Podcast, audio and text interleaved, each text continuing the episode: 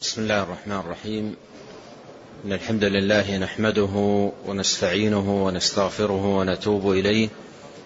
ونعوذ بالله من شرور انفسنا وسيئات اعمالنا من يهده الله فلا مضل له ومن يضلل فلا هادي له واشهد ان لا اله الا الله وحده لا شريك له واشهد ان محمدا عبده ورسوله صلى الله وسلم عليه وعلى آله وأصحابه أجمعين اللهم لا علم لنا إلا ما علمتنا اللهم علمنا ما ينفعنا وزدنا علما نعم الحمد لله رب العالمين والصلاة والسلام على أشرف الأنبياء والمرسلين نبينا محمد عليه أفضل الصلاة وتم التسليم قال المؤلف رحمه الله تعالى وغفر له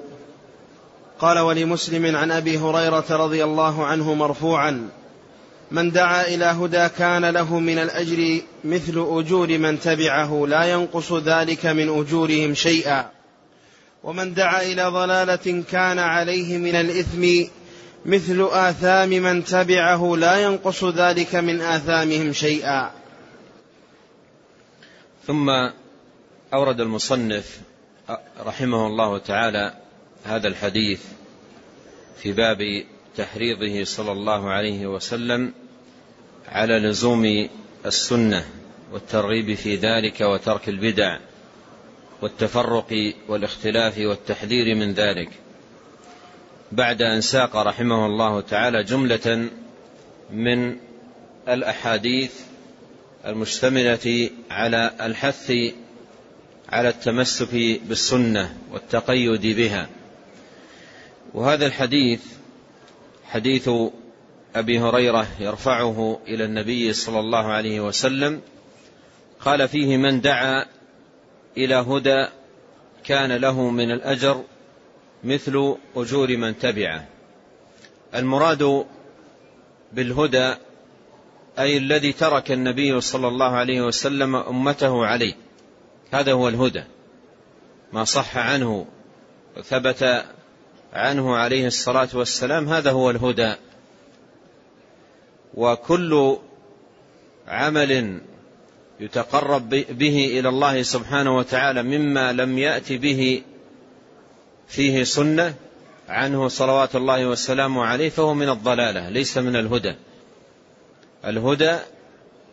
هو ما جاء به النبي عليه الصلاة والسلام قال الله تعالى وإن تطيعوه تهتدوا فلا, فلا يكون إصابة الهدى إلا باتباعه والسير على منهاجه قد مر معنا قريبا قوله عليه الصلاة والسلام أما بعد فإن أصدق الحديث كلام الله وخير الهدى هدى محمد صلى الله عليه وسلم فالدعوة إلى الهدى المراد بها الدعوة إلى السنة إلى ما كان عليه إلى ما كان عليه صلوات الله وسلامه عليه وما كان عليه صحابته الكرام رضي الله عنهم قال من دعا إلى هدى أي من دعا إلى حق وخير مما جاء به الرسول عليه الصلاة والسلام كان له من الأجر مثل أجور من تبعه لا ينقص ذلك من أجورهم شيء أي أن الداعي إلى الحق والهدى وإلى سنة النبي عليه الصلاة والسلام كان له من الأجر مثل أجور من تبعه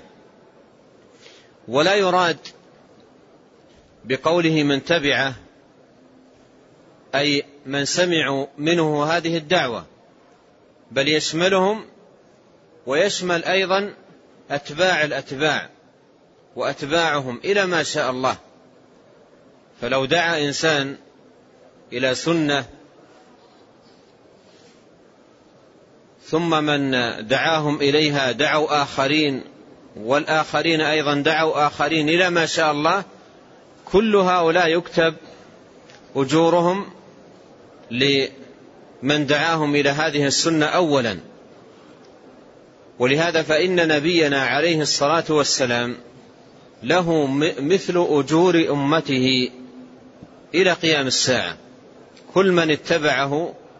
عليه الصلاة والسلام فللنبي صلى الله عليه وسلم مثل أجره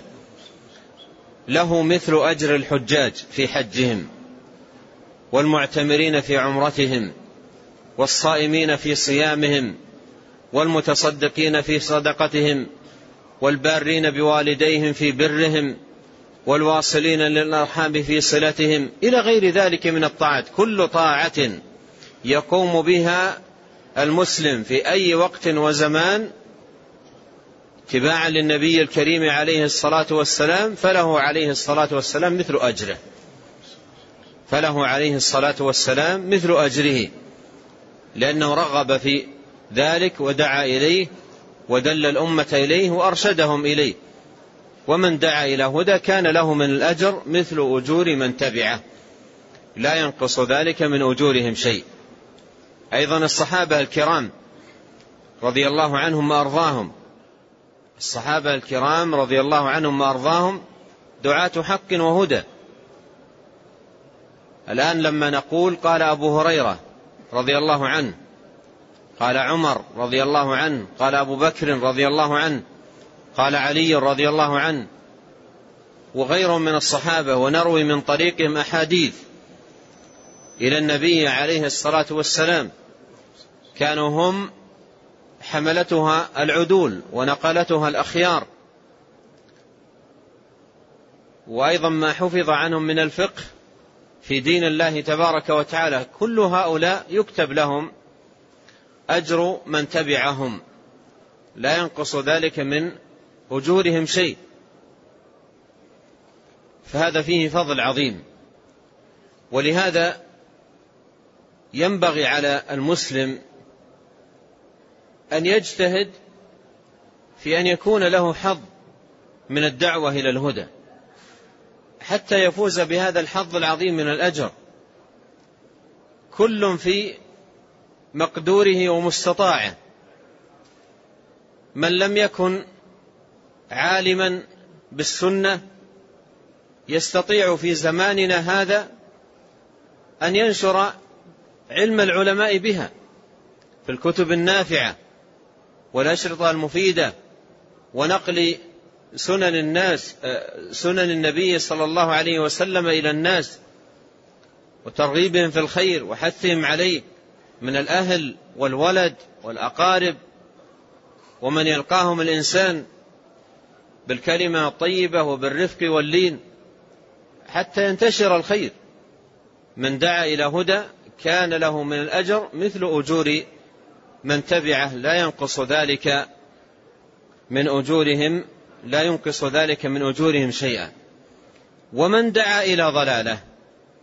من دعا إلى ضلاله أي من كان داعية ضلالة والعياذ بالله يدعو إلى البدع أو الأهواء أو الخرافات وما لا أصل له في دين الله تبارك وتعالى ويدعو إلى اتباع هوى النفس من الآثام وما يسخط الله تبارك وتعالى يدعو إلى الفجور من دعا إلى ضلاله كان عليه من الإثم مثل آثام من تبعه لا ينقص ذلك من آثامهم شيئا كما قال الله في القرآن ليحملوا أوزارهم كاملة يوم القيامة ومن أوزار الذين يضلونهم بغير علم ألا ساء ما يزرون فالداعية إلى ضلاله يبوء بإثم نفسه ويبوء بإثم من دعاهم إلى ضلالته ودعاة الضلالة الذين ضلوا على يديه إذا دعوا آخرين يبوء أيضا بالإثم يبوء أيضا بالإثم ومما يوضح هذا قول النبي صلى الله عليه وسلم لم تقتل قوله فيما معناه لم تقتل نفس ظلما إلا كان لابن آدم الأول كفل من دمها إلا كان لابن آدم الأول كفل من دمها لأنه أول من سن القتل فكل من سن سنة سيئة ودعا الناس إلى إلى ضلالة فإنه يحمل والعياذ بالله إثم ضلالته وإثم ضلالة أتباعه إلى يوم القيامة ولهذا أيضا قال العلماء أن الداعية إلى البدع إذا تاب لا يكفي أن يتوب في نفسه بل لا بد أن يجتهد في إصلاح ما أفسد لا بد أن يجتهد في إصلاح ما أفسد إلا الذين تابوا وأصلحوا وبينوا لا بد أن يصلح إذا كان من دعاة الباطل والضلال لا يكفي أن يتوب في نفسه بل لا بد أن يصلح ما أفسده في الناس ويبين لهم الباطل أو بطلان ما كان يدعوهم إليه تحذيرا ونصحا فهذا الحديث فيه حث على الدعوة إلى السنة وتحذير من الدعوة إلى الضلال والباطل وفيه أيضا تنبيه إلى خطورة الكلمة فيه تنبيه إلى خطورة الكلمة الكلمة التي تخرج منك إما أن تكون لك أو عليك فالكلمة خطيرة لا يستهين بها الإنسان فهو موقوف بين يدي الله تبارك وتعالى وسائله عن كلامه ما يلفظ من قول إلا لديه رقيب عتيد فيحفظ كلامه ويزنه بميزان الحق والهدى ميزان كتاب الله وسنة نبيه عليه الصلاة والسلام بعض الناس الآن يستهين في أمر الإخبار عن دين الله عز وجل أو بيان الأحكام تجد الناس والعوام والجهال بدين الله إذا ذكر أمر من أمور الدين كل يدري بدلوه ويبدي رأيه بدون فهم وبدون علم هذا يقول الحكم كذا وذاك يقول الحكم كذا قد جاء عنه عليه الصلاة والسلام أن من أرشد غيره إلى غير رشد فإنما إثمه على من أرشده من أرشد غيره إلى غير رشد فإنما إثمه على من أرشده فالكلمة خطيرة جدا قال من دعا إلى هدى كان له من الأجر مثل أجور من تبعه كيف أكون داعية إلى الهدى كيف أكون داعية إلى الهدى هذا مطلب عظيم جدا يثيره في نفوسنا وفي قلوبنا هذا الحديث العظيم المبارك من دعا إلى هدى كان له من الأجر مثل أجور من تبعه لا ينقص ذلك من أجورهم شيئا ينبغي أن تعلم هنا أيها الأخ الموفق أن من دعا إلى الهدى إذا مات ودفن وأدخل في القبر تصل إليه الأعمال تلو الأعمال والأجور تلو الأجور إلى قيام الساعة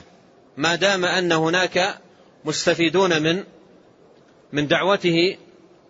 الصحيحة إلى الحق والهدى أئمة الهدى الذين ماتوا من قرون طويلة ودعاة الخير الذين ماتوا من قرون طويلة هم في قبورهم والأجور تصل إليهم تلو الأجور يوما تلو يوم تصلهم الأجور في قبورهم كما يدل على ذلك هذا الحديث العظيم ومن الناس من هو الآن حي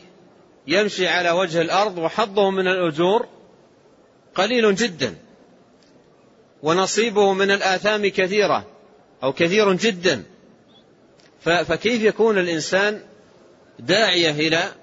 الهدى أولا تقبل على الله عز وجل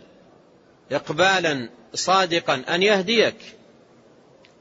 أنت في نفسك اهدنا الصراط المستقيم وأن يهدي لك وأن يهدي بك وأن يجعلك صالحا مصلحا تلجأ إلى الله عز وجل فالتوفيق بيده إن أريد إلا الإصلاح ما استطعت وما توفيقي إلا بالله فتلجأ إلى الله تبارك وتعالى وتدعوه فالتوفيق بيده سبحانه وتعالى ثم تجتهد في أن يكون لك حظ من العلم النافع والفقه في دين الله عز وجل وتعطي العلم الشرعي نصيبا من وقتك ولهذا سيأتي قريبا عند المصنف رحمه الله تعالى التحريض على طلب العلم فتجعل لطلب العلم نصيبا من وقتك وجزءا من حياتك تتفقه في دين الله تبارك وتعالى وإذا وجد عندك التفقه ولو في شيء يسير من أمور الدين فهمته وفهمت دليله وتلقيته عن أهل العلم تلقيا صحيحا تدعو إليه تدعو إليه وتنصح الآخرين به وترغبهم فيه فيكتب لك آه، أجور هؤلاء وثواب هؤلاء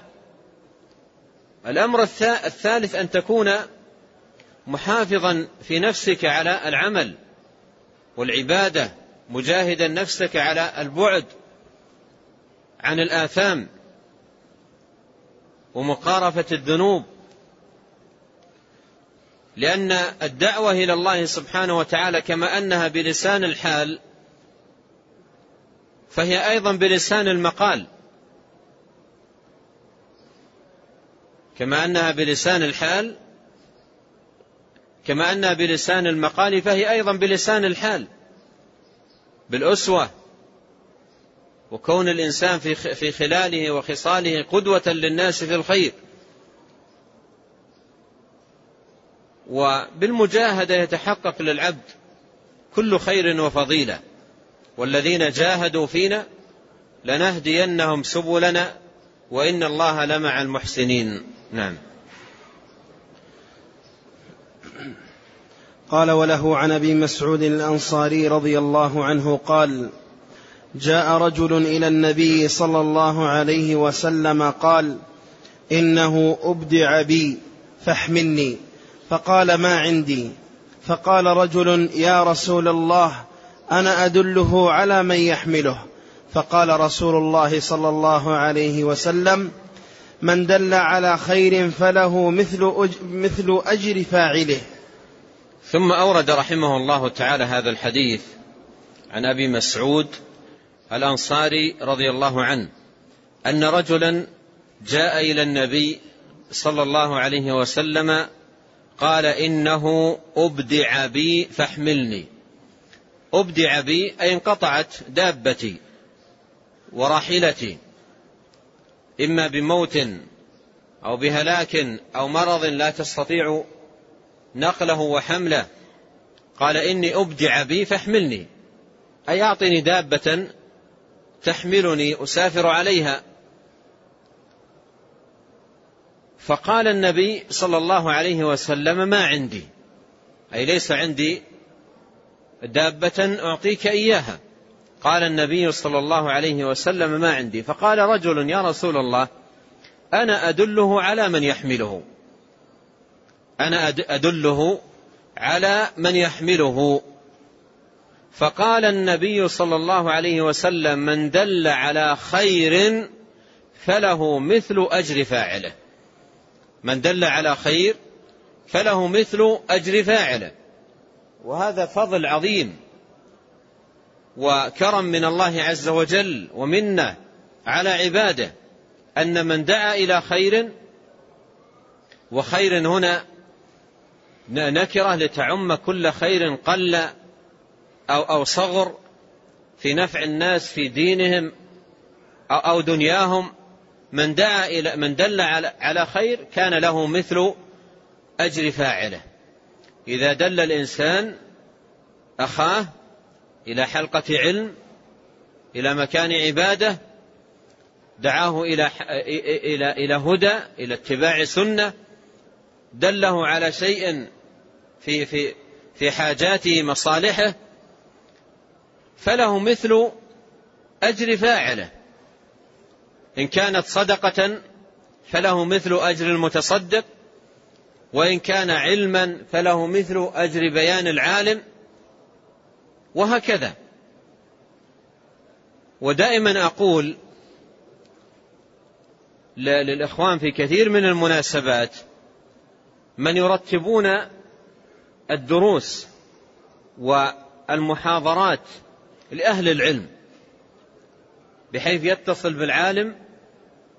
ويقول له منطقتنا بحاجة إلى درس أو بحاجة إلى محاضرة ويحثه على ذلك ويؤكد عليه ثم يستجيب له مثلا العالم أو الداعية إلى الله ويعد للدرس ويراجع له ويتجشم السفر وعناء الطريق ثم يلقي الخير والعلم ويستفيد الناس هذا الذي دعاه الى هذا الامر له مثل اجره مع ان الذي كان منه مجرد اتصال او مكالمه بالهاتف في دقيقه او دقيقتين فكل هذا الجهد الذي يكون من العالم يكون لذاك مثل أجره وفضل الله واسع وفضل الله واسع والسهم الواحد يشترك فيه ثلاثة صانعه ونابله ومعطيه كما جاء معنى ذلك عنه عليه الصلاة والسلام فضل الله جل وعلا واسع ولهذا لا يحرم الإنسان حظه من الخير إذا لم تكن عالما وقريب من منطقتكم عالم أو في منطقتكم عالم وتحثه على التعليم وتساعده على نشر العلم فإنه يكتب لك مثل أجره من دعا إلى هدى من دل على خير فله مثل أجر فاعله من اللطائف في هذا الباب أن الشيخ الإمام عبد العزيز بن باز رحمه الله ألف كتابا سماه تحفة الأخيار سماه تحفة الأخيار في الأذكار والدعوات التي يؤتى بها في طرفي الليل والنهار وفي الصباح والمساء وأدبار الصلوات كتاب قيم جدا وكتاب ليس كبير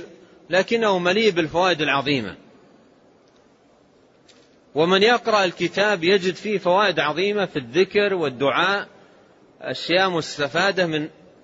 سنة النبي الكريم عليه الصلاة والسلام لما وصل إلى نهاية الكتاب ختمه بهذا الحديث ختمه بهذا الحديث حديث أبي مسعود البدري الذي قال فيه النبي صلى الله عليه وسلم من دل على خير فله مثل أجر فاعله وكأنه بهذه الخاتمة يعطي القارئ رسالة جميلة جدا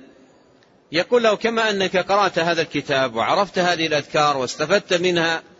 وحصلتها انشرها أيضا بين الناس فإنك إن فعلت ذلك كان لك مثل أجورهم الآن أيها الأخ الكريم عندما تأخذ كتابا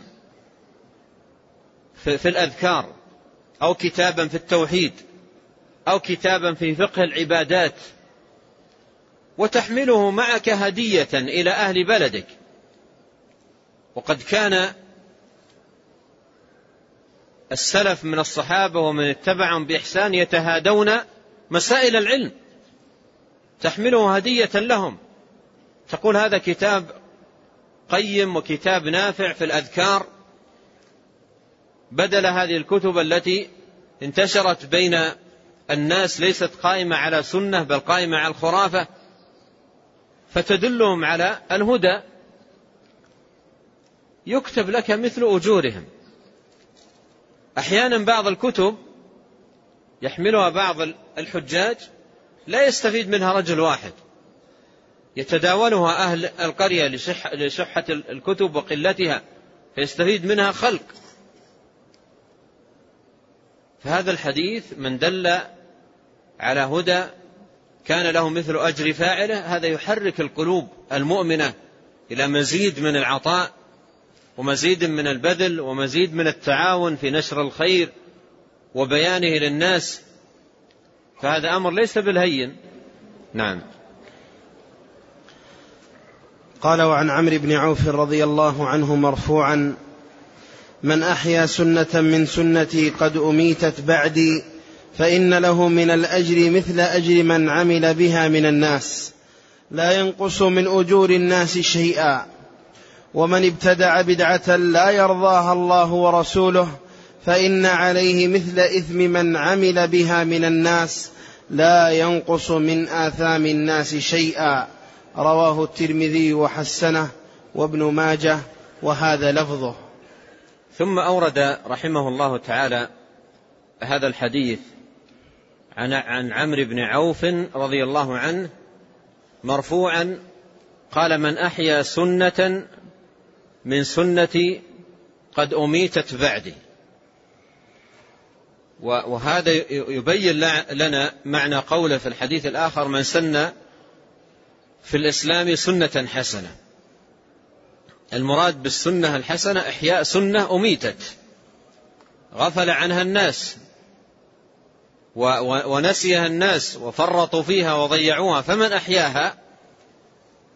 كتب له آه، أجر مثل أجر من عمل بها قول النبي صلى الله عليه وسلم من سن في الإسلام سنة حسنة المراد به إحياء السنن التي أميتت وغفل عنها الناس وضيعوها وليس المراد به إحياء البدع والضلالات التي ما أنزل الله تبارك وتعالى بها من سلطان فنشر البدع هو من الدعوة إلى ضلالة ومن سن السنن السيئة في الناس فيبوء الإنسان بإثمها وإثم من اتبعه فيها قال من أحيا سنة من سنتي قد أميتت بعدي قد أميتت بعدي فإن له من الأجر مثل أجور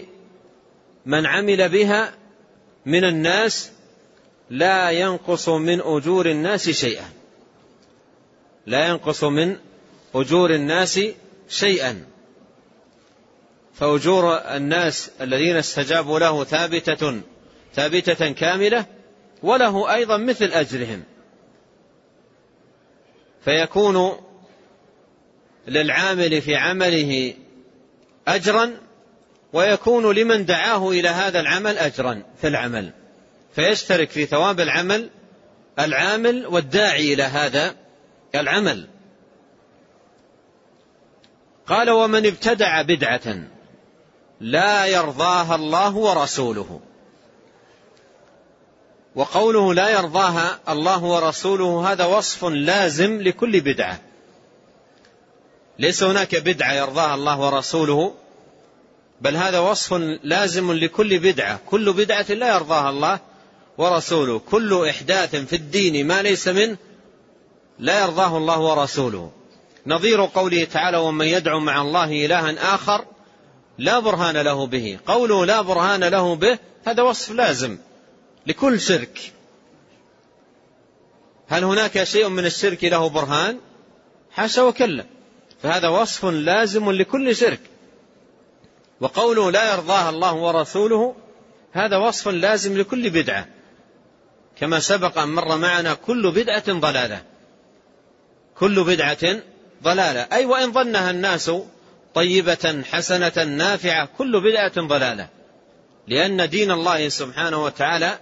تام كامل كما قال ربنا جل وعلا اليوم أكملت لكم دينكم وأتممت عليكم نعمتي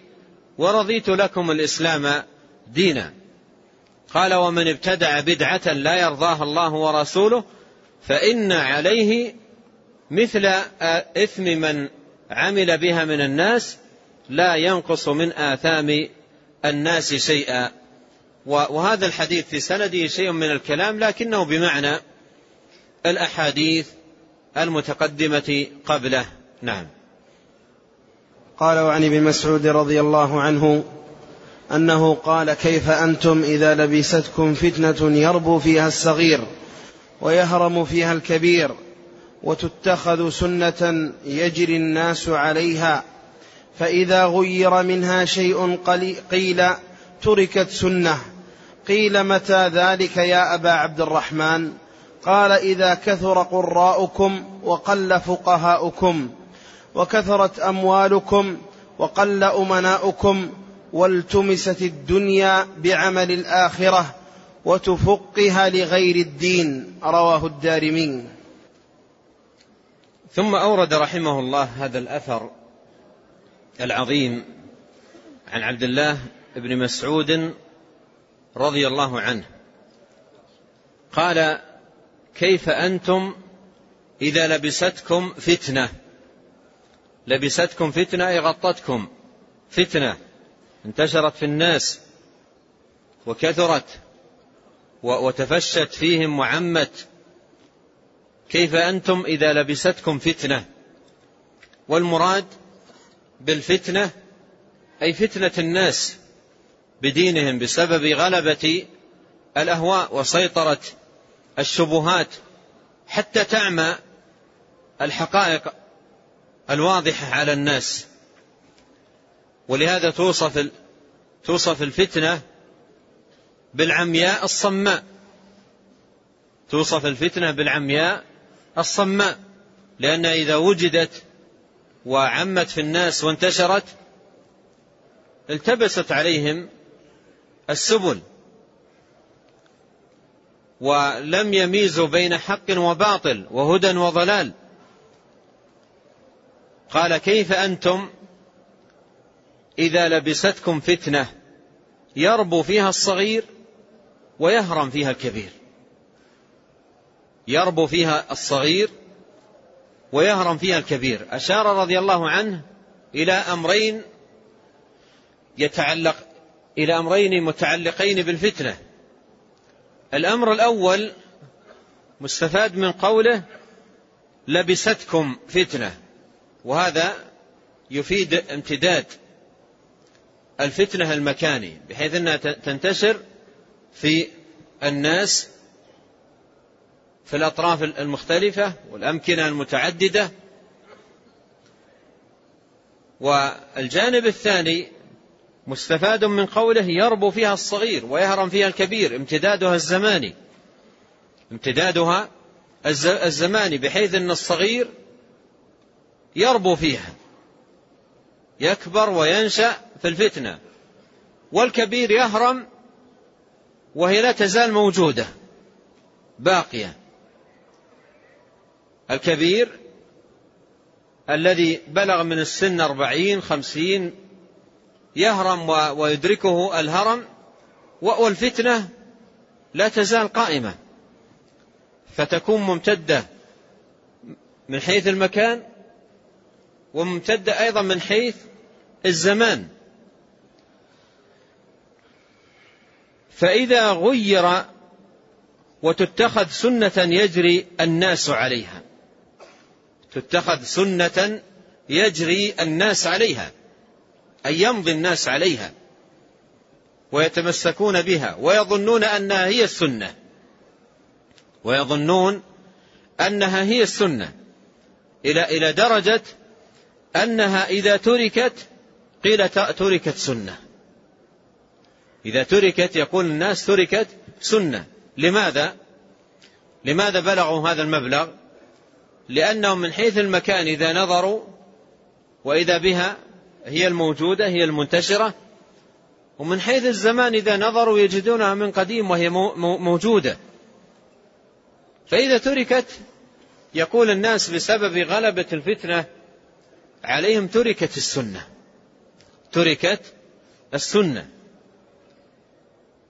وهذا مما يبين لنا أيها الإخوة خطورة فتنة الناس في دينهم قد قد يتصدر إنسان للدعوة إلى ضلالة قد يتصدر إنسان للدعوة إلى ضلالة أو إلى بدعة ثم يستجيب له آخرون ويستجيب للآخرين آخرون فيموت الأول ثم يأتي على الناس زمان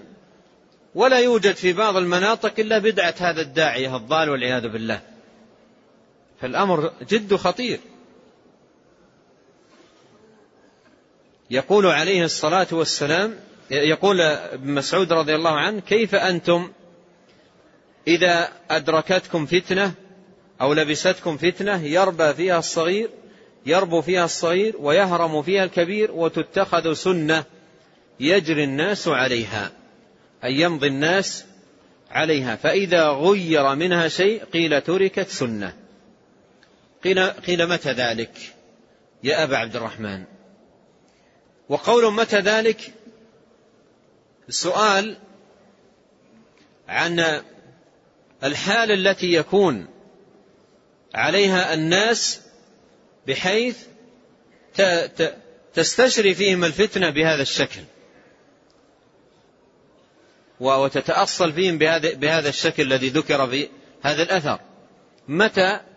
ذلك يا أبا عبد الرحمن متى ذلك يا أبا عبد الرحمن قال إذا كثر قراؤكم إذا كثر قراؤكم وقل فقهاؤكم إذا كثر فيكم القراء وقل فيكم الفقهاء في دين الله القراء الذين يقرؤون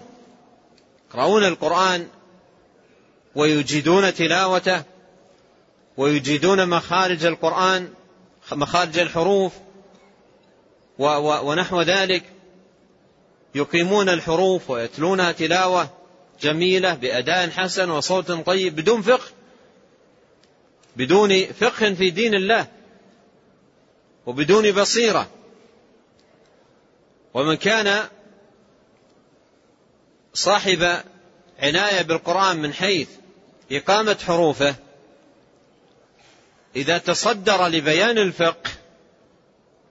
وبيان الأحكام وهو لم يتفقه وإنما حفظ حروف القرآن ولم يحصل منه تفقه في دين الله يضل ويضل يضل ويضل لأن القرآن لا بد فيه من فهم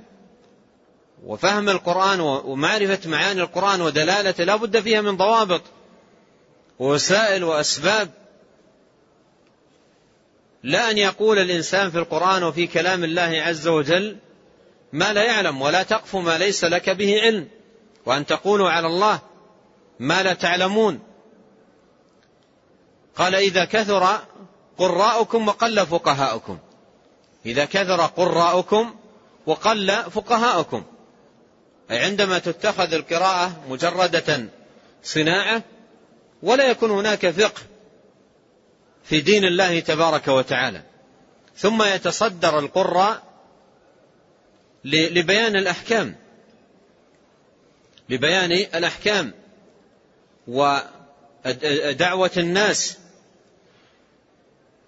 على غير فقه في في دين الله وبصيره والله يقول قل هذه سبيلي ادعو الى الله على بصيره انا ومن اتبعني قال إذا كثر فقهاؤكم إذا كثر قراؤكم وقل فقهاؤكم وكثرت أموالكم أي أن غالب اهتمام الإنسان اهتمام بالمال واهتمام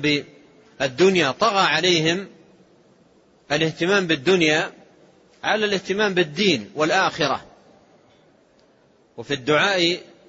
الثابت عن نبينا عليه الصلاة والسلام أنه قال اللهم لا تجعل الدنيا أكبر همنا ولا مبلغ علمنا اللهم لا تجعل الدنيا أكبر همنا ولا مبلغ علمنا ولما سأل الله تبارك وتعالى إصلاح الدين والدنيا والآخرة بدأ بإصلاح الدين لأنه هو المقدم اللهم أصلح لي ديني الذي هو عصمة أمري وأصلح لي دنياي التي فيها معاشي وأصلح لي آخرتي التي فيها معادي فبدأ بإصلاح الدين لأن إصلاح الدين مقدم على إصلاح الدنيا قال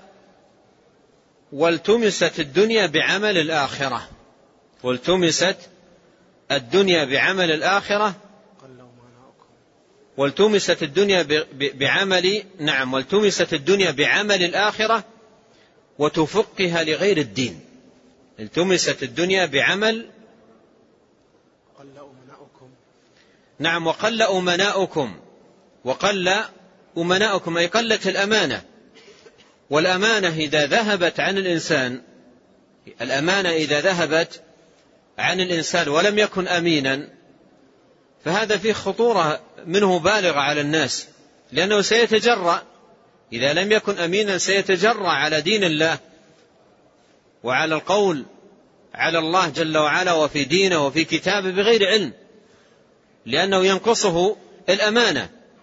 بينما الأمين والذي يحافظ على أمانة الكلمة وأمانة القول وأمانة البيان وأمانة النصيحة وأمانة التعليم فإنه لا يتكلم بكل شيء بل يتورع ويتأكد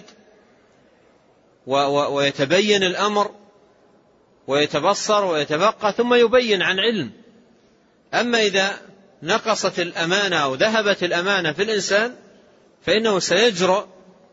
في الكلام على في دين الله والقول على الله سبحانه وتعالى بغير علم لأنه ليس فيه أو ليس عنده أمانة قال وقل أمناؤكم والتمست الدنيا بعمل الآخرة التمست أي طلبت الدنيا بعمل الآخرة أي أصبح الناس يطلبون الدنيا بأعمال الآخرة بمعنى أنهم يعملون أعمالا هي لا تعمل إلا للآخرة أي لنيل ثواب الآخرة من صلاة وبر وصدقة وغير ذلك من الأعمال وهم لا يطلبون بها الآخرة وإنما يطلبون بها الدنيا كطلب مثلا الشهرة أو الرئاسة أو الزعامة أو الصيت أو كثرة الأتباع أو غير ذلك من المقاصد والأغراض فهو يأتي بأعمال الآخرة وهو في قرارة نفسه لا يريد بها الآخرة وإنما يريد بها الدنيا وفي الحديث إنما الأعمال بالنيات وإنما لكل امرئ ما نوى فمن كانت هجرته إلى الله ورسوله فهجرته إلى الله ورسوله ومن كانت هجرته لدنيا يصيبها أو امرأة ينكحها فهجرته إلى ما هاجر إليه والأمر الأخير قال وتفقها لغير الدين وتفقها لغير الدين يتفقه في الدين ويتعلم الأحكام ويحفظ الأدلة ولكنه يجتهد هذا الجهد ويبذل هذا الأمر لا للدين نفسه وإنما يتفقه في الدين لأجل الدنيا يتفقه في الدين لأجل الدنيا يلتمس بالتفقه في الدين أمر الدنيا ليس مراده بالتفقه في, في, في دين الله تبارك وتعالى أن يرفع الجهل عن نفسه وأن يرفع الجهل عن الآخرين وأن يكون ناصحا معلما مبين ليس هذا غرضه وإنما غرضه الدنيا قد جاء عن الإمام أحمد رحمه الله تعالى أنه قال العلم لا يعدله شيء إذا صلحت النية قيل وما صلاحها قال أن تنوي به رفع الجهل عن نفسك وعن غيرك نعم قال وعن زياد بن حدير رضي الله عنه قال قال لي عمر رضي الله عنه هل تعرف ما يهدم الاسلام قلت لا قال يهدمه زله العالم وجدال المنافق بالكتاب وحكم الائمه المضلين رواه الدارمي ايضا ثم اورد رحمه الله تعالى هذا الاثر عن عمر بن الخطاب رضي الله عنه انه انه قال لزياد بن حدير رضي الله عنه هل تعرف ما يهدم الإسلام هل تعرف ما يهدم الإسلام هل تعرف الشيء الذي إذا وجد هدم الإسلام ونقض عراه ونشر الفساد والشر في الناس هل تعرف ذلك قلت لا قال يهدمه زلة العالم يقولون زلة العالم زلة العالم زلة العالم زلة العالم العالم إذا زل تبعه في في زلله خلق لا يحصيهم إلا الله فزلة العالم هذه فيها خطورة جدا على الناس لأن الناس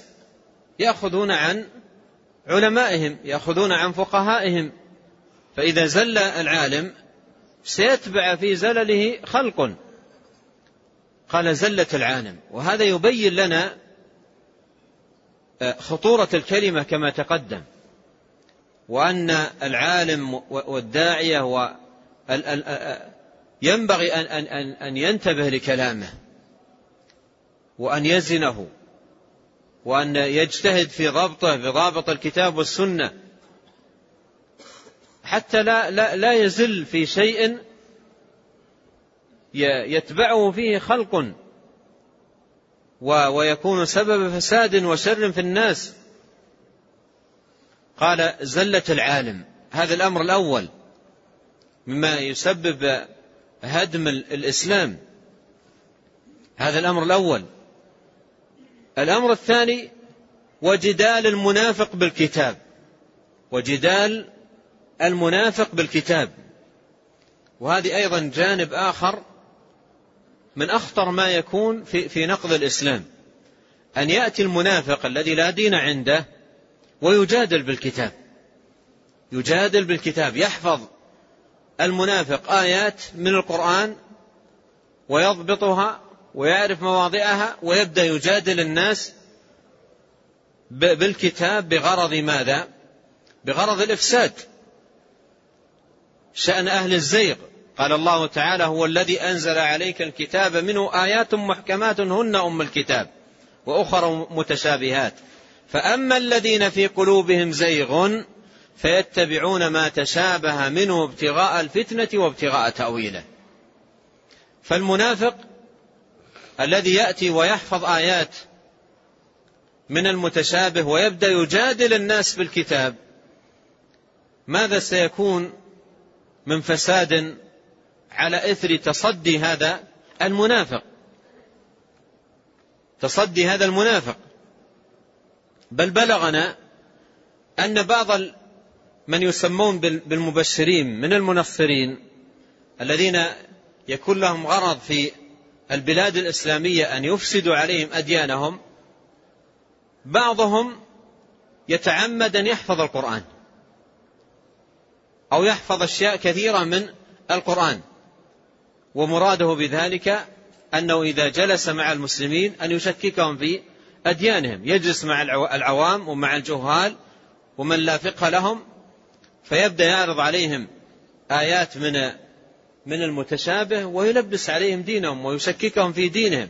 ويشككهم في كلام ربهم تبارك وتعالى قال وجدال المنافق بالكتاب وجدال المنافق بالكتاب المنافق صاحب هوى وصاحب باطل صاحب هوى وصاحب باطل فيجادل بالكتاب أن يأتي بآيات ويلبس على الناس ويشبه عليهم في فيها بحيث يقصد من ذلك أن يغرس فيهم بعض المفاهيم الباطلة أو يشككهم في بعض المف... الحقائق الصحيحة الثابتة في كتاب الله وسنة نبيه عليه الصلاة والسلام يتبعون المتشابه ويتركون المحكم البين فهذا فيه خطورة جدا بالغة على الناس قال جدال المنافق بالكتاب الأمر الثالث قال حكم الأئمة المضلين عندما يتولى أو تكون الولاية والسلطان بيد أئمة ضلال ودعاة بدعة فهذا أيضا فيه خطورة جدا على الناس لأن السلطان والوالي إذا كان يحمل بدعة وضلالا وباطلا سيحمل الناس عليه طوعا أو كرها وسيؤذيهم ويتسلط عليهم وينشر وينشر باطله وبدعه فيهم إما بالقوة أو بالعرض الواسع باستغلال سلطته وولايته على الناس في نشر ما عنده من ضلال وباطل فهذه ثلاثة أمور ذكرها عمر رضي الله عنه تتسبب في انتقاض عرى الدين زلة العالم وجدال المنافق بالكتاب وحكم الأئمة المضلين نعم قال وعن حذيفة رضي الله عنه قال كل, كل عبادة لا يتعبدها أصحاب رسول الله صلى الله عليه وسلم فلا, تعبدوا فلا, تعب فلا تعبدوها فإن الأول لم يدع للآخر مقالا فاتقوا الله يا معشر القراء وخذوا طريق من كان قبلكم رواه أبو داود ثم أورد رحمه الله تعالى هذه النصيحة العظيمة من حذيفة بن اليمان رضي الله عنه للقراء والقراء في موضع قدوة للناس القراء الذين حفظوا القرآن وأجادوا قراءته وأحسنوا قراءته موضع قدوة للناس فنصحهم رضي الله عنه هذه النصيحة العظيمة قال كل عبادة لا يتعبدها أصحاب رسول الله صلى الله عليه وسلم فلا تعبدوها وهذا ضابط عظيم جدا في باب العبادة وفقه العبادة كل عبادة لا يتعبدها أصحاب رسول الله صلى الله عليه وسلم فلا تعبدوها لماذا؟ لأن ما لم يكن دينا زمن محمد صلى الله عليه وسلم وأصحابه لا يكون دينا إلى قيام الساعة ما لم يكن دينا زمن محمد صلى الله عليه وسلم وأصحابه والله لا يكون دينا إلى قيام الساعة الدين هو الذي كان عليه النبي صلى الله عليه وسلم وأصحابه الكرام هذا هو الدين وكل ما جاء بعد محدثات الأمور ليست من الدين لو كانت من الدين لسبقنا إليه الصحابة رضي الله عنهم هم أحرص منا على الدين وأكثر منا اجتهادا عليه وحرصا عليه فلو كان خيرا لسبقونا إليه وهذا معنى قول حذيفة رضي الله عنه فإن الأول لم يدع للآخر مقالا قال عليه الصلاة والسلام خير الناس قرني ثم الذين يلونهم ثم الذين يلونهم الخيرية بأعمال الخير والبر والصلاح اجتمعت في الصحابة ولا يأتي على الناس الزمان إلا والذي بعده شر منه وفي كل عام ترذلون أيمكن أن تكون هناك جوانب من العبادة في قرون متأخرة لم تكن موجودة في زمن أبي بكر وعمر وعثمان وعلي وخيار الصحابة وأفاضل الصحابة حاشا والله فهذه هذه قاعدة في الباب وليت كل مسلم يحفظ هذه القاعدة هذا الكلام الذي قاله حذيفة صاحب سر رسول الله صلى الله عليه وسلم لو يحفظها المسلم ينفع الله بها نفعا عظيما كل عبادة لا يتعبدها أصحاب رسول الله صلى الله عليه وسلم فلا تعبدوها يطالب من يدعو إلى عبادة معينة أن يأتي بالدليل أنها موجودة في زمن الصحابة لو جاءك إنسان وأرشدك إلى عبادة أو نوع من الذكر قال لك في الصباح تقول يا لطيف مثلا ألف مرة وليكن أيضا معك سبحة فيها ألف خرزة وقال لك هذا شيء جيد ومشايخنا جربوا وأنا رأيت في المنام كذا وجاني هاتف في المنام وقال لي كذا وأعطاك منها من هذه الأمور تقبل أو ترجع إلى هذه القاعدة كل عبادة لا يتعبدها أصحاب رسول الله صلى الله عليه وسلم فلا تعبدوها وإن وسع عليك في مثل هذه الأمور لا تلتفت لها لو قال لك أنا رأيت في المنام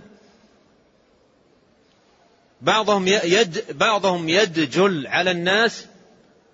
ويقول جاءني النبي صلى الله عليه وسلم في المنام وقال هذا شيء جيد وهذا شيء عظيم وانشره في الناس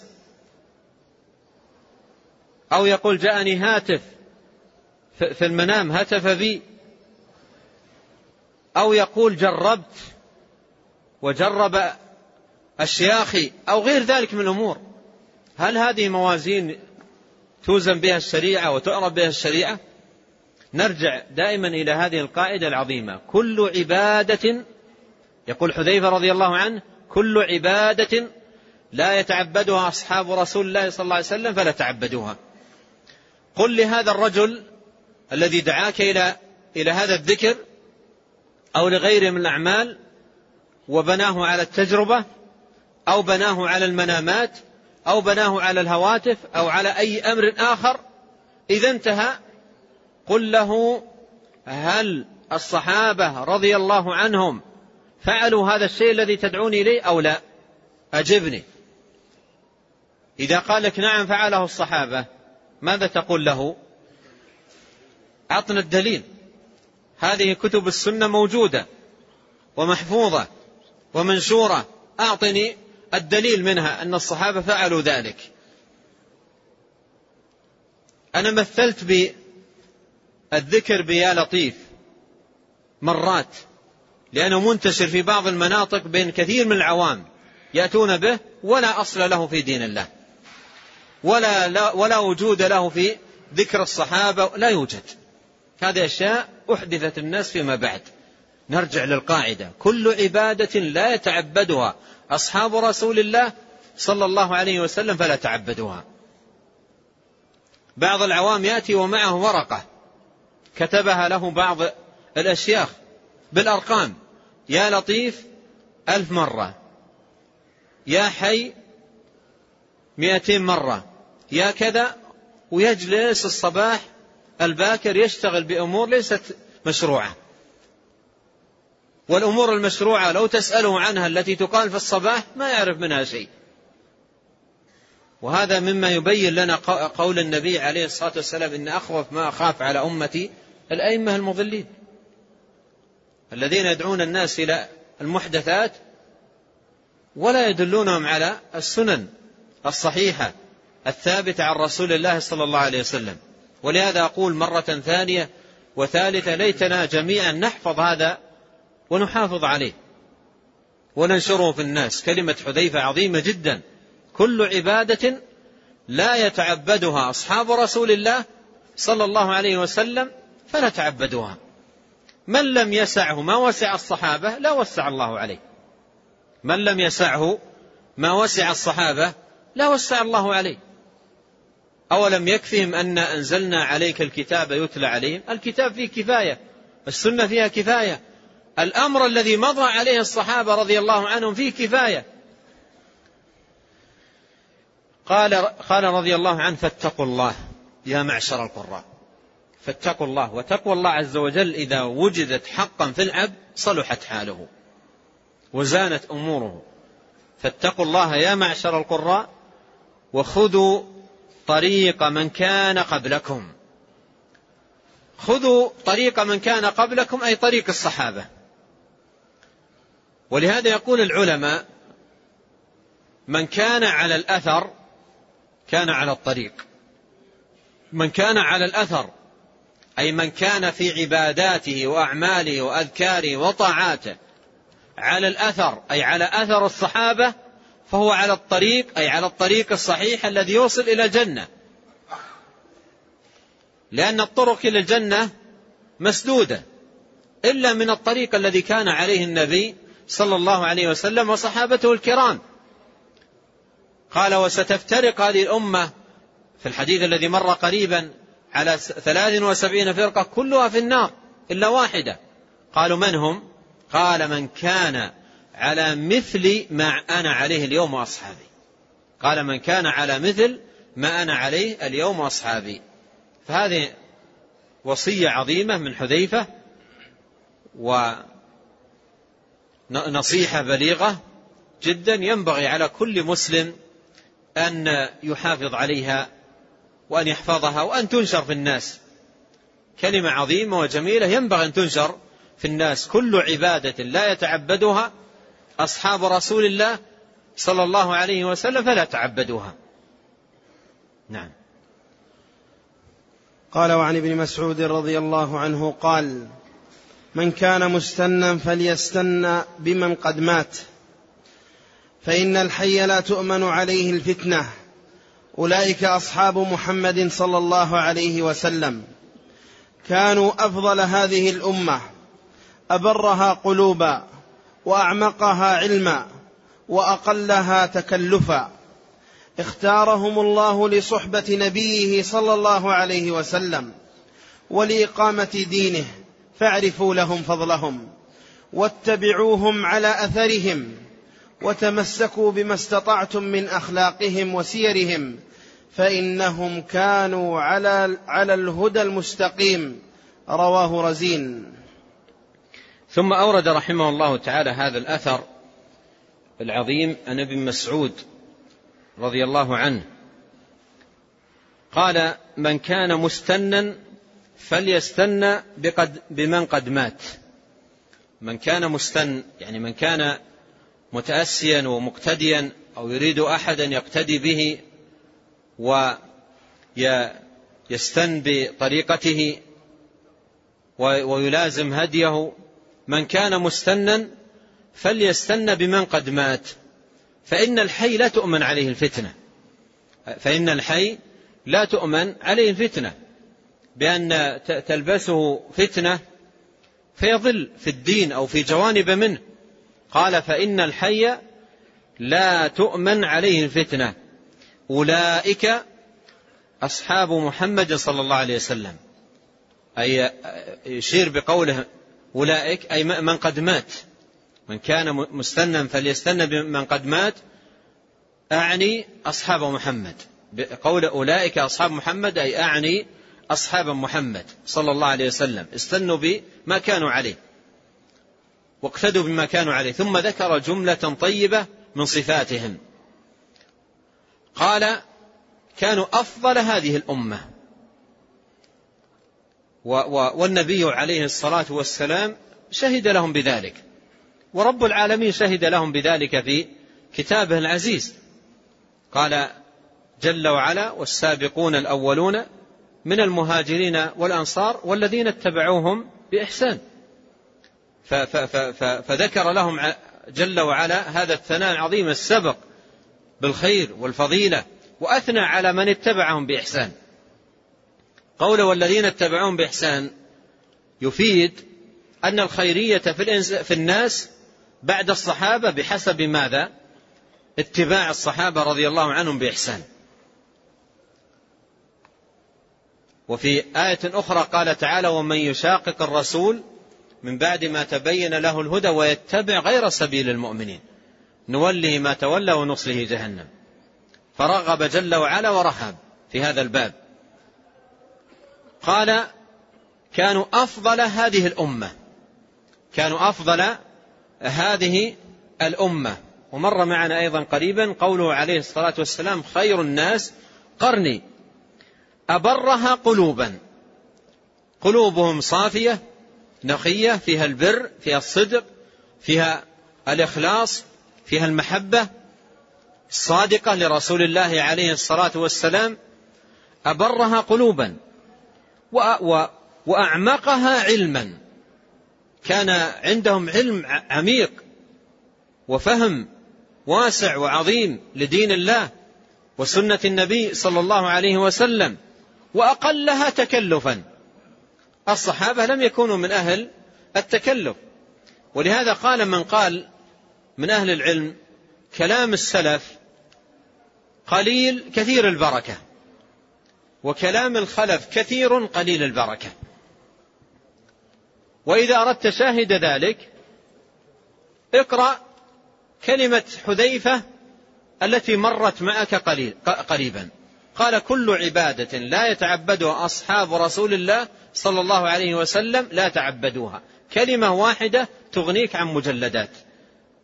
لو وفقك الله عز وجل لفقه هذه الكلمة كلمة واحدة تغنيك عن مجلدات في هذا الباب العظيم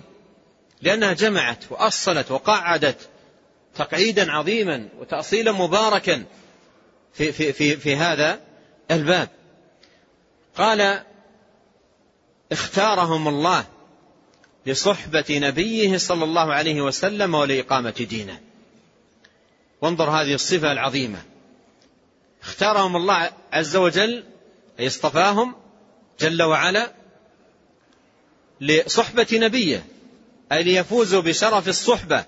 للنبي الكريم عليه الصلاة والسلام ولهذا خصوا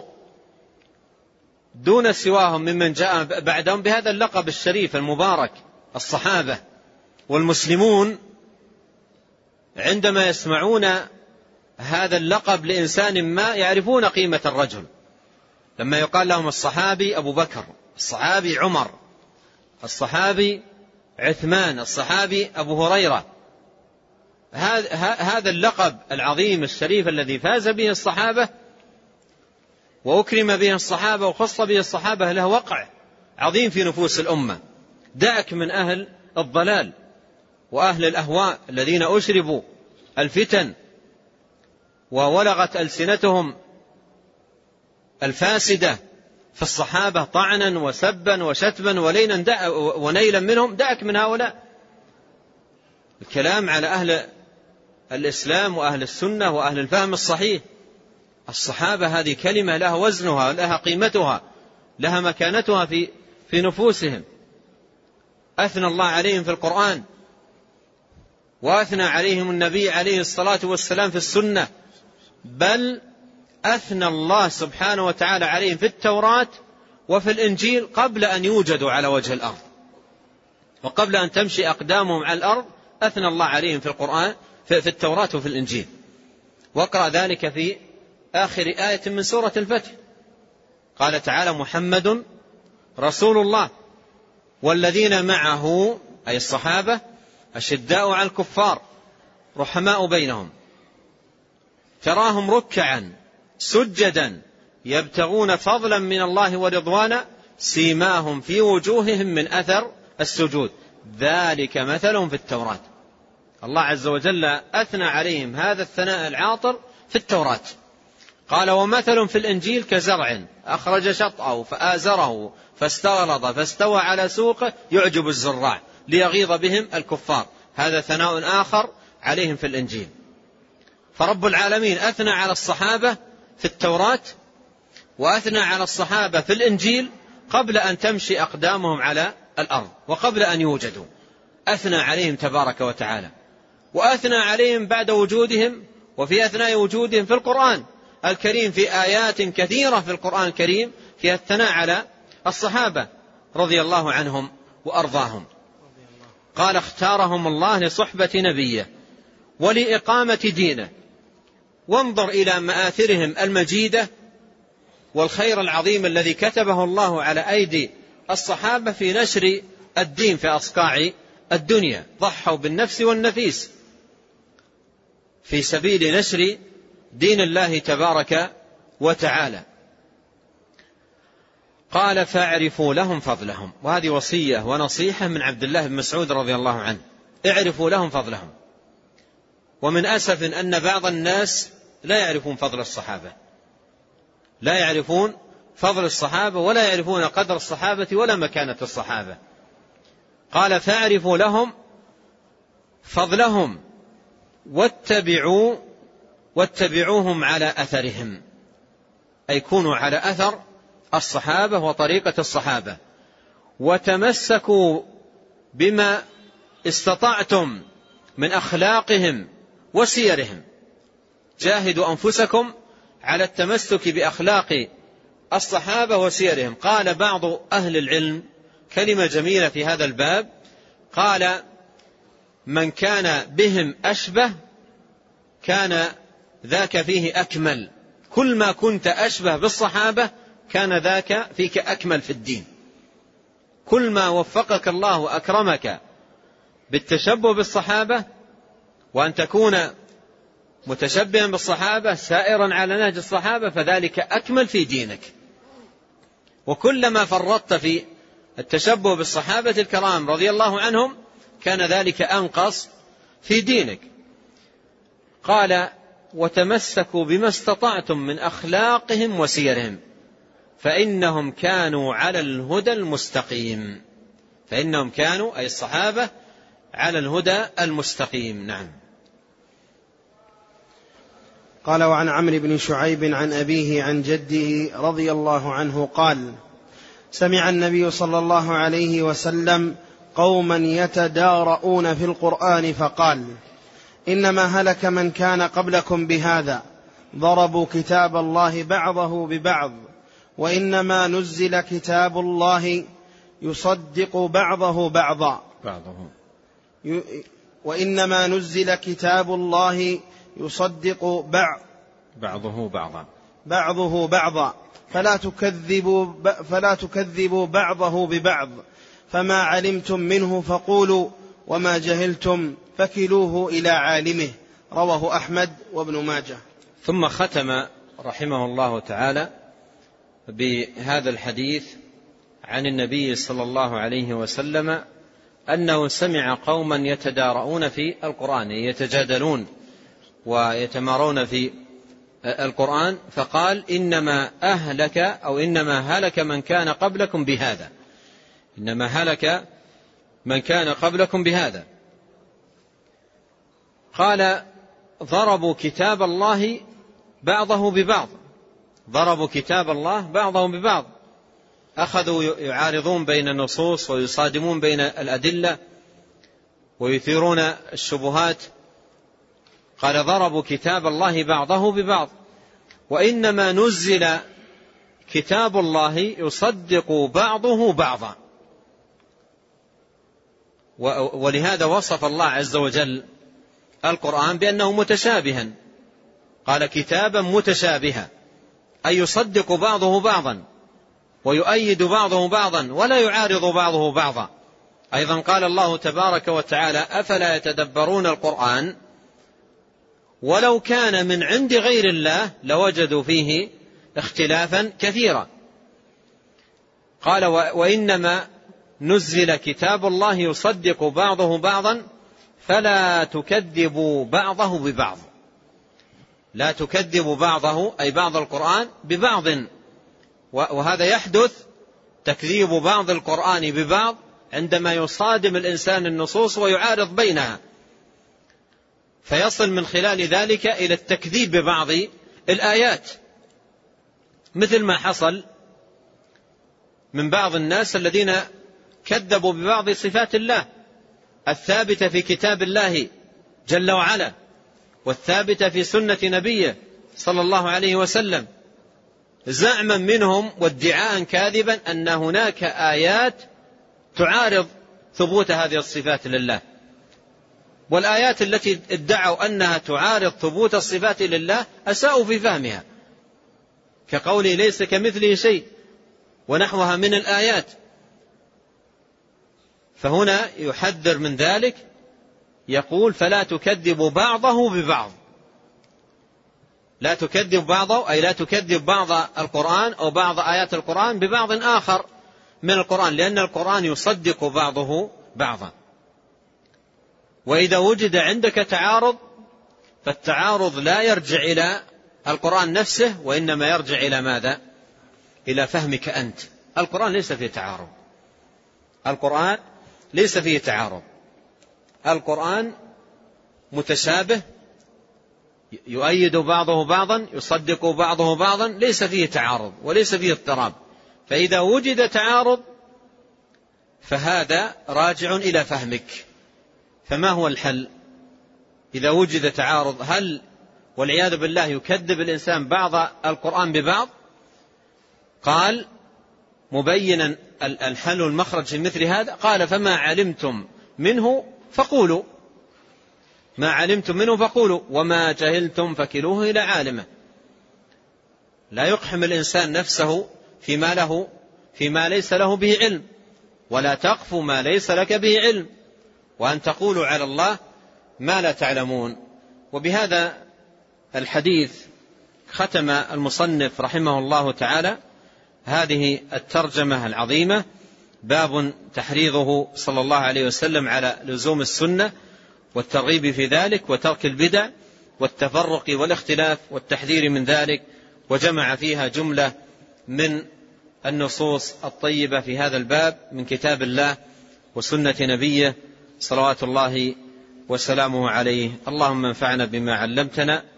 وزدنا علما واهدنا إليك صراطا مستقيما وأصلح لنا ديننا الذي هو عصمة أمرنا وأصلح لنا دنيانا التي فيها معاشنا وأصلح لنا آخرتنا التي فيها معادنا واجعل الحياة زيادة لنا في كل خير والموت راحة لنا من كل شر اللهم اغفر لنا ذنبنا كله دقه وجله أوله وآخره سره وعلنا اللهم اغفر لنا ولوالدينا وللمسلمين والمسلمات والمؤمنين والمؤمنات الأحياء منهم الأموات اللهم اغفر ذنوب المذنبين وتب على التائبين واكتب يا ذا الجلال والإكرام الصحة والسلامة والعافية والغنيمة للحجاج والمعتمرين اللهم يسر لهم حجهم واعتمارهم واغفر لهم ذنوبهم ويسر لهم أمورهم ولعموم المسلمين يا ذا الجلال والإكرام والله تعالى أعلم وصلى الله وسلم على عبده ورسوله نبينا محمد وآله وصحبه أجمعين أحسن الله إليكم وبارك فيكم ونفعنا الله بما قلتم وغفر الله لنا ولكم وللمسلمين أجمعين هذا السائل يقول هل من السنة التلبية والتكبير الجماعي أم كل حاج يلبي بمفرده السنة التي ثبتت عن نبينا عليه الصلاة والسلام في هذا الباب أن كلا يلبي بمفرده يرفع صوته بالتلبية ويستمر ملبيا ما استطاع إلى ذلك سبيلا كل ما تهيأ له يلبي وهنا أيضا يظهر التفاوت بين الناس في النشاط والكسل والجد و لا أن يكونوا آلة يحركهم شخص أمامهم يقفون إذا وقف ويلبون إذا لبى وإنما كل ونشاطه كل ونشاطه ومجاهدته فالسنة في التلبية أن كل حاج يلبي بمفرده يرفع صوته بالتلبية ويكثر من التلبية والتلبية شعار الحج لبيك اللهم لبيك لبيك لا شريك لك لبيك إن الحمد والنعمة لك والملك لا شريك لك وأما التلبية الجماعية بصوت واحد وبأداء واحد فهذه لا أصل لها في سنة النبي الكريم عليه الصلاة والسلام إضافة إلى ما فيها من إيذاء الناس إضافة إلى ما فيها من إيذاء الناس بعض الحجاج في مسجد الميقات يعقدون النية بصوت جماعي وهذا لا أصل له بصوت جماعي يقف أمامهم رجل وبصوت عالي اللهم اللهم نويت بصوت عالي يهز المسجد كله المصلي لا يستطيع أن يصلي وقارئ القرآن لا يستطيع أن يقرأ والذي يريد أن يذكر الله يقول سبحان الله وإذا به يذكر أشياء أخرى ما يدري ما هي من الصوت الذي يهز المسجد هذا ليس من أمرا مشروعا والتلبية الجماعية هذه لا أصل لها وفي داخل المسجد بصوت من أعلى ما يكون هذا كله ليس أمرا مشروعا السنة أن يلبي كل إنسان بمفرده لا أن تكون التلبية بصوت واحد صوت جماعي هذا لا ليس له أصل وأيضا أنبه هنا فيما يتعلق بالتلبية إلى أن المسلم مع اتيانه بألفاظ التلبية وتكراره لها ينبغي أن يفهم معانيها وأن يستشعر مدلولها وما تدل عليه من الإخلاص والاستجابة والانقياد لله تبارك وتعالى ما أعظم كلمات الحاج وهو مقبل على بيت الله يقول لبيك اللهم لبيك مستجيبا للنداء الله جل وعلا قال وأذن في الناس بالحج يأتوك رجالا وعلى كل ضامر من كل فج عميق ليشهدوا منافع لهم فهذه التلبية التي شعار الحج هي منة على الله منة من الله عليك وكرامة من الله لك يسرها الله لك وجاء بك كم من إنسان في بلادك يتمنى لو أنه جاء مثل مجيئك ولبى مثل تلبيتك كم هم على وجه الأرض يتمنون ذلك فهذه نعمة نعمة عظيمة جدا ساقها الله لك فتدخل في هذا في هذه العبادة وأنت مغتبط وفرح بنعمة الله قل بفضل الله وبرحمته فبذلك فليفرحوا ثم هنا تنتبه إلى هذه الاستجابة العظيمة لبيك اللهم لبيك وتتساءل مع نفسك كيف أنت مع ربك في بقية الطاعات ناداك إلى الصلاة والصلاة أهم من الحج باتفاق المسلمين وأعظم من الحج فهل أنت محافظ على فريضة الصلاة أو لا تبدأ تحاسب نفسك الصيام البعد عن المحرمات